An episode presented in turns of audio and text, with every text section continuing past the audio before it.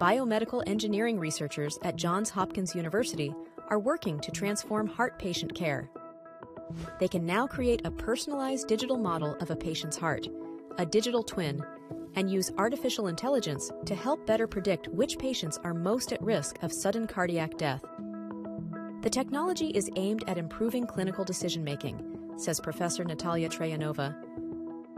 We would like the doctors, when they make decisions for treatment, to use our digital twin to develop the optimal treatment. When they want to make a prognosis, how the patient trajectory will be, or what is the risk of the patient developing an adverse outcome of sort, we would like them to use our AI algorithms. Heart disease is the leading cause of death worldwide, according to the World Health Organization. Trayanova's research looks to cut those deaths using an algorithm based on each patient's scans we do um, MRI, contrast enhanced MRI of the heart, and then we combine that contrast um, enhanced MRI with all the clinical data that's known for the patient. At the end, this is combined with survival analysis, and we can tell over 10 years what is the risk of a patient of having sudden cardiac death. Unlike segmented images most often used today, Trayanova says using whole images of the heart produce more accurate predictions of which patients need defibrillators. So we provide these deep learning algorithms that are multimodality. They represent the patient's condition much better. At the Johns Hopkins Sidney Kimmel Comprehensive Cancer Center, Dr. Victor Velculescu is leading research into developing new ways of detecting early stage cancers. The technologies to date, unfortunately, don't allow you to do that. So we've had to think of new ways to do that.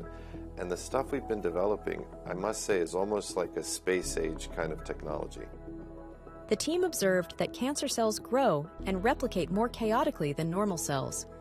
So when those cells die, they leave behind telltale characteristics of fragments of DNA circulating in the blood called cell free DNA. Using machine learning, the team developed blood testing technology to detect these highly variable patterns, known as DELFI, combining genome wide sequencing of single molecules of DNA shed from tumors. We look in the blood, we identify molecules of DNA called cell free DNA, and we look for the profile or the patterns of this cell free DNA as a way to identify those individuals who have cancer versus those that don't. AI has the advantage of being able to take the millions and millions of pieces of cell free DNA and the patterns that come from these and ultimately come up with an algorithm that can distinguish individuals with cancer versus those that don't. Velculescu says improved blood tests could lead to greater cancer screening worldwide.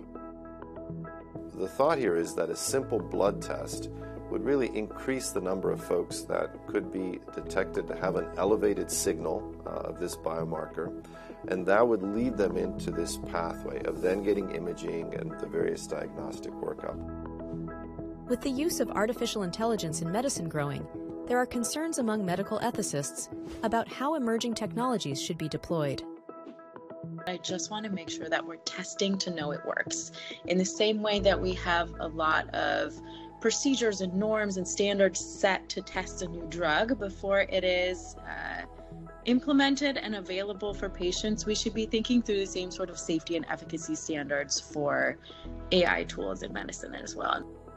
On artificial intelligence, World Health Organization guidance recommends transparency about the intended use of machine manipulated data, protections against cybersecurity threats, and a rigorous evaluation of systems quality to ensure that digital healthcare products do not amplify biases or errors.